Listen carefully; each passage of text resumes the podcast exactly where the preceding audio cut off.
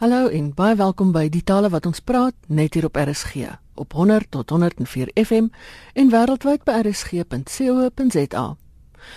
Vanoggend is die laaste aflewering in die kort reeks oor uitdrukkings en segswyse in Afrikaans aan die hand van 'n paar van wyle Dr Anton Prinsloo se boeke. My gas is oudergewoonte professor Ilse Feinhauer, fisiedekaan tale aan die Universiteit van Stellenbosch en ook verbonde aan die departement Afrikaans en Nederlands aan die universiteit. Ons fokus eerstens op eponieme. Volgende een is 'n boek met die naam Die aap in jou koffie. Julle ken hom, hy's heel resent uit in 2011 verskyn. En sy subtitel is Afrikaanse eponieme van A tot Z. Nou, wat vir 'n ding is 'n eponiem?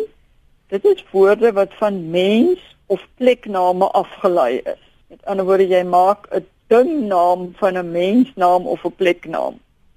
En in hierdie woordeboek beskryf Anton Prinsloo ongeveer 2000 eponieme. En dit is natuurlik nou eponieme wat in Afrikaans gebruik word, maar Afrikaans self het nogal min eponieme, met ander woorde wat uit van 'n Afrikaanse naam afkom en ek gaan begin deur 'n paar van hulle voor te hou met ander woorde eksklusiewe Afrikaanse eponieme. En die eerste een is dan die sleepwaandjie, die ventertjie. So 'n ventertjie is genoem na die firma Venter Sleepwaens. Nou hoop ek ek adverteer nie. In die destydse wat vroeër genoem is Naboomspruit, hier staan ook Gopom, eh, waar die sleepwaandjie ontwerp is. En in 2011 het Anton geraam daar's 'n half miljoen van die waantjies verkoop. Nou ons is nou in 2016, so dalk is ons nou al by 'n 3 kwart miljoen waantjies. Goed, watter ander eponieme kan kom uit Afrikaans uit? Uh, ons ken almal die kreurmunt. Al het ons hulle nie almal nie, ons weet van hulle. Die kreurmunt of ook later die kreurrand. Die kreurmunt uh, geslaan tydens die ou Suid-Afrikaanse Republiek in die laat 19de eeu hedendaagse kreerrand genoem natuurlik na die president van die ZR uh eh, Stefanus Johannes Paulus Kreer tydens wie se amptetermyne dan die munte geslaan is. 'n Baie interessante eponiem en wat mense eintlik nooit eers weet is 'n eponiem nie is die woord kwaito, die soort popmusiek, né? Die Suid-Afrikaanse popmusiekstyl kwaito. Nou waar kom dit vandaan?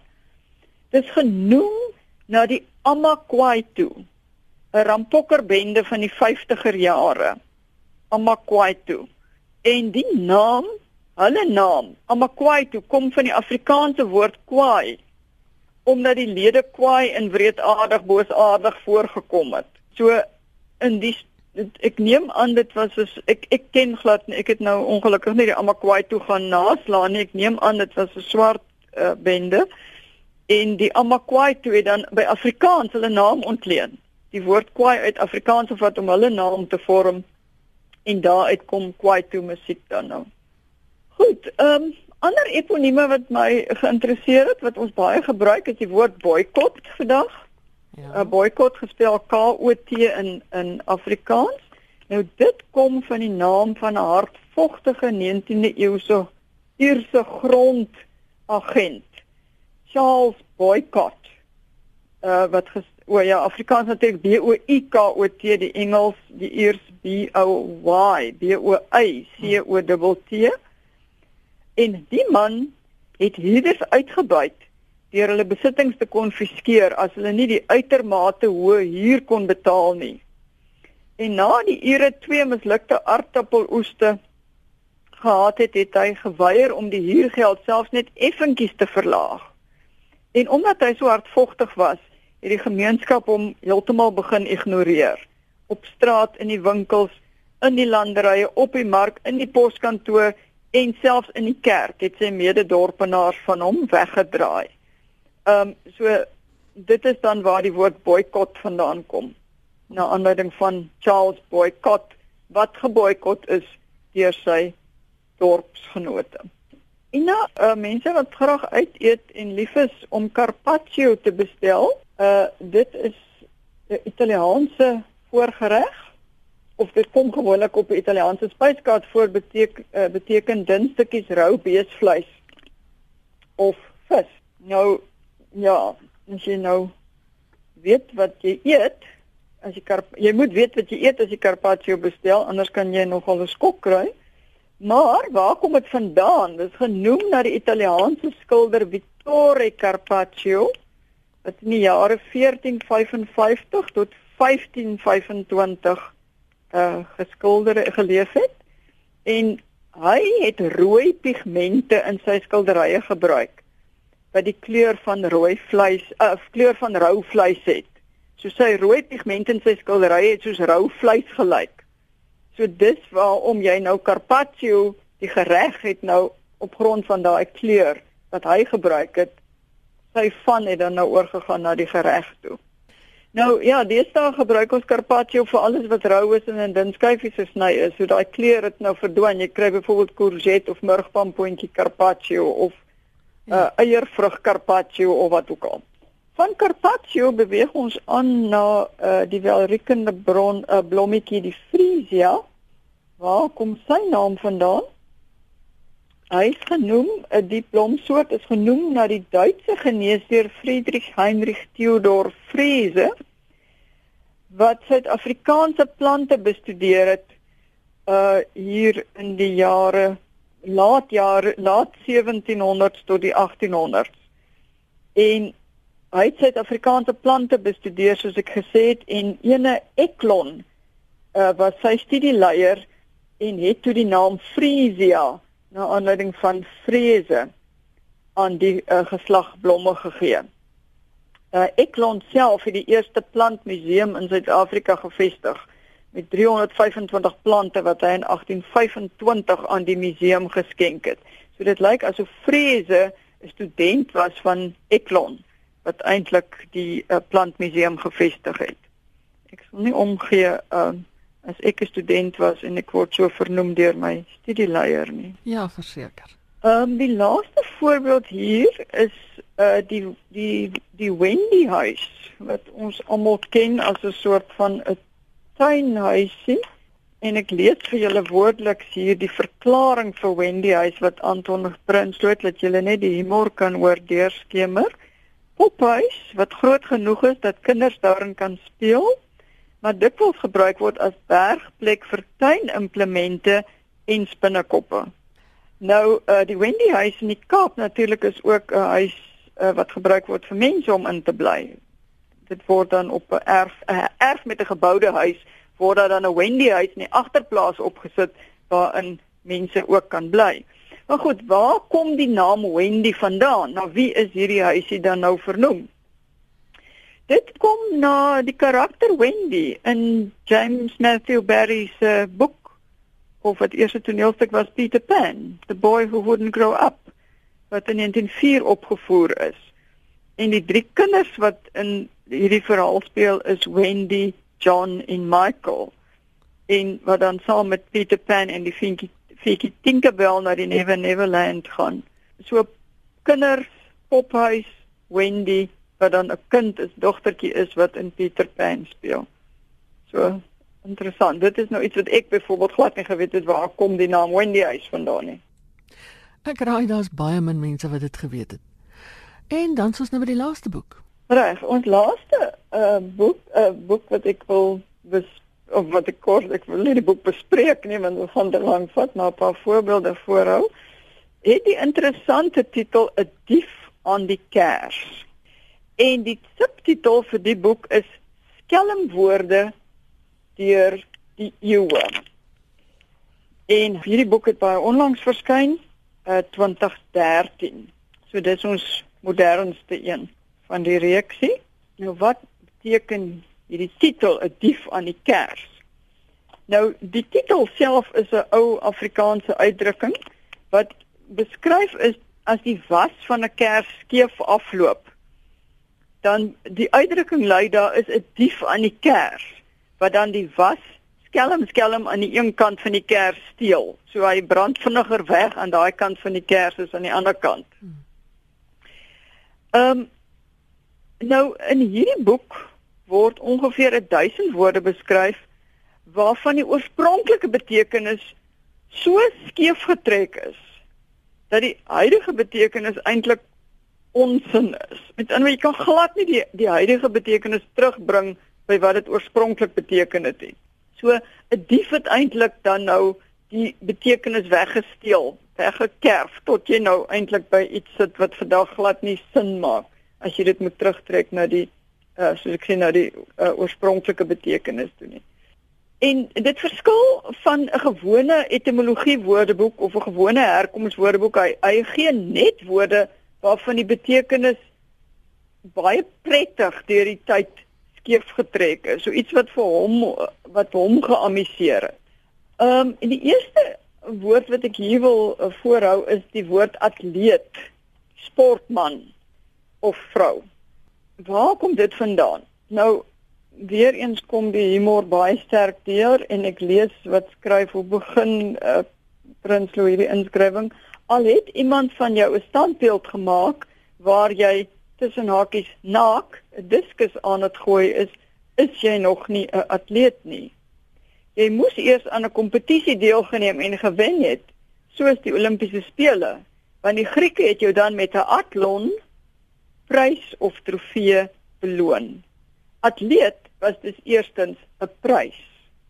So die die woord atleet het eers beteken die medalje wat jy gewen het. En dit het dan die betekenis so oorgegaan tot dit nou op die sportman of vrou dui wat die medalje uh of trofee wen. Ehm um, dan die woord botter. Dit wat op ons op ons brood smeer, botter. Waar kom dit vandaan?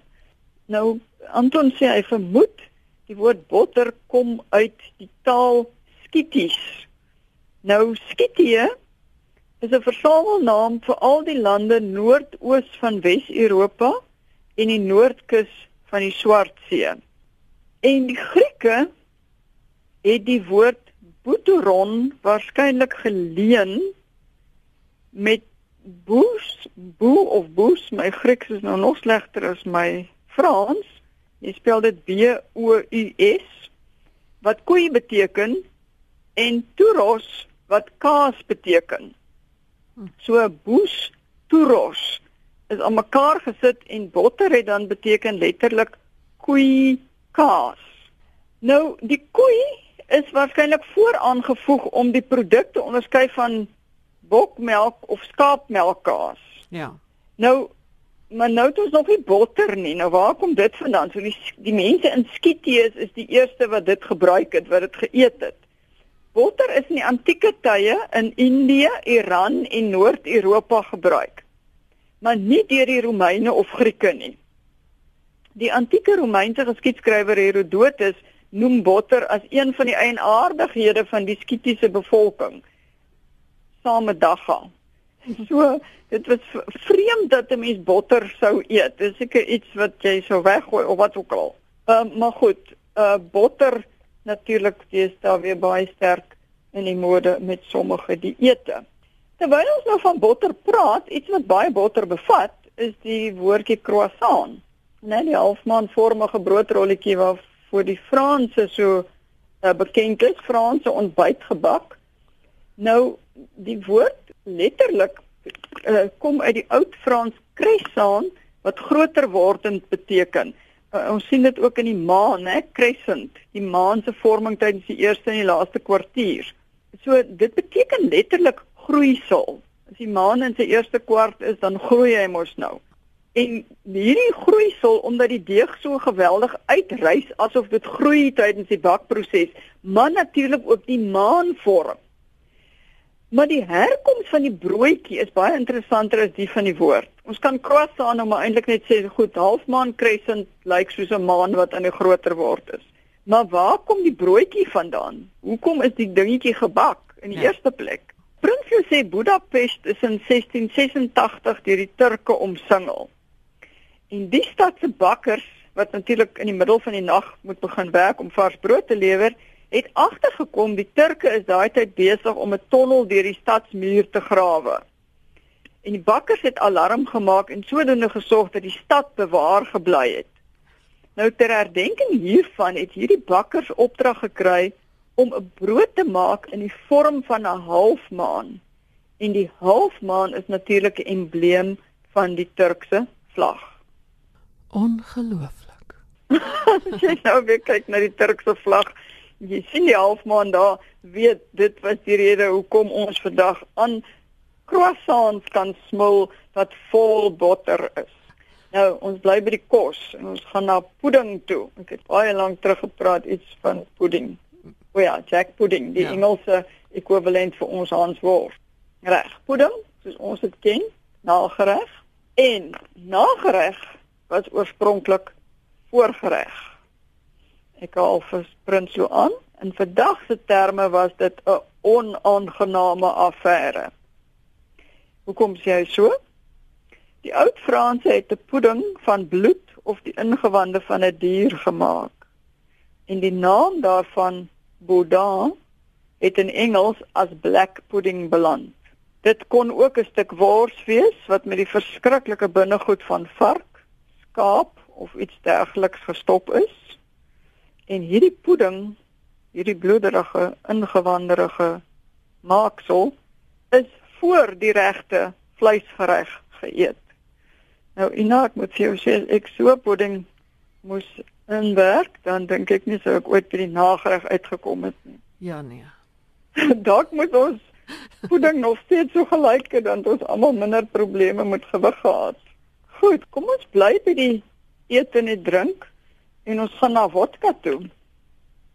Nou vodka is 'n Russiese alkoholiese drank wat gestook word van rog, koring of aartappels. Nou sê Prinsloo, ons het hier 'n geval waar die moderne betekenis beter as die oue is. Jy sien net die omgekeerde as pudding. Ja.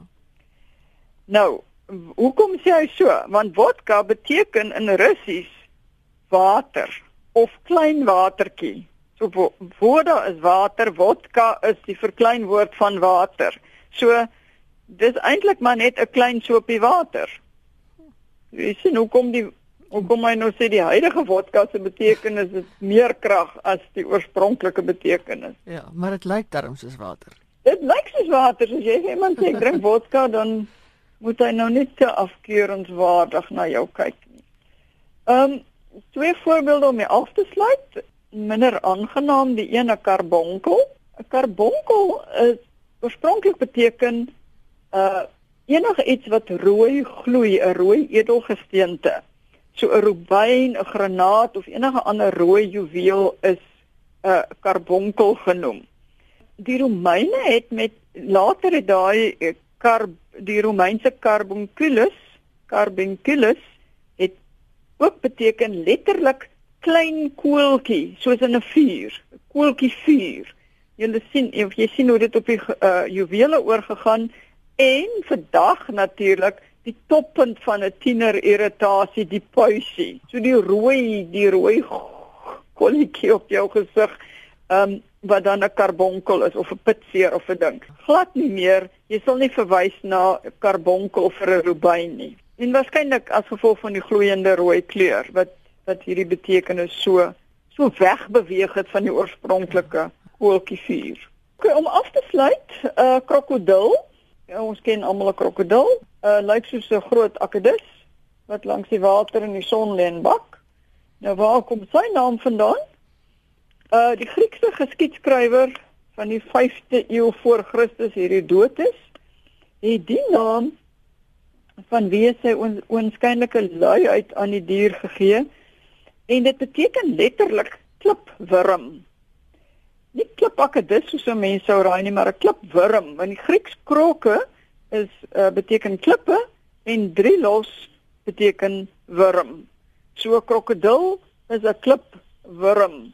So daar het ons dan nou 'n hele paar van Anton Prinsloo se wyshede gehad oor Afrikaans. En ek hoop ons is almal geïnspireer om hierdie rykdom van Afrikaans in ons daaglikse handel en wandel te begin gebruik.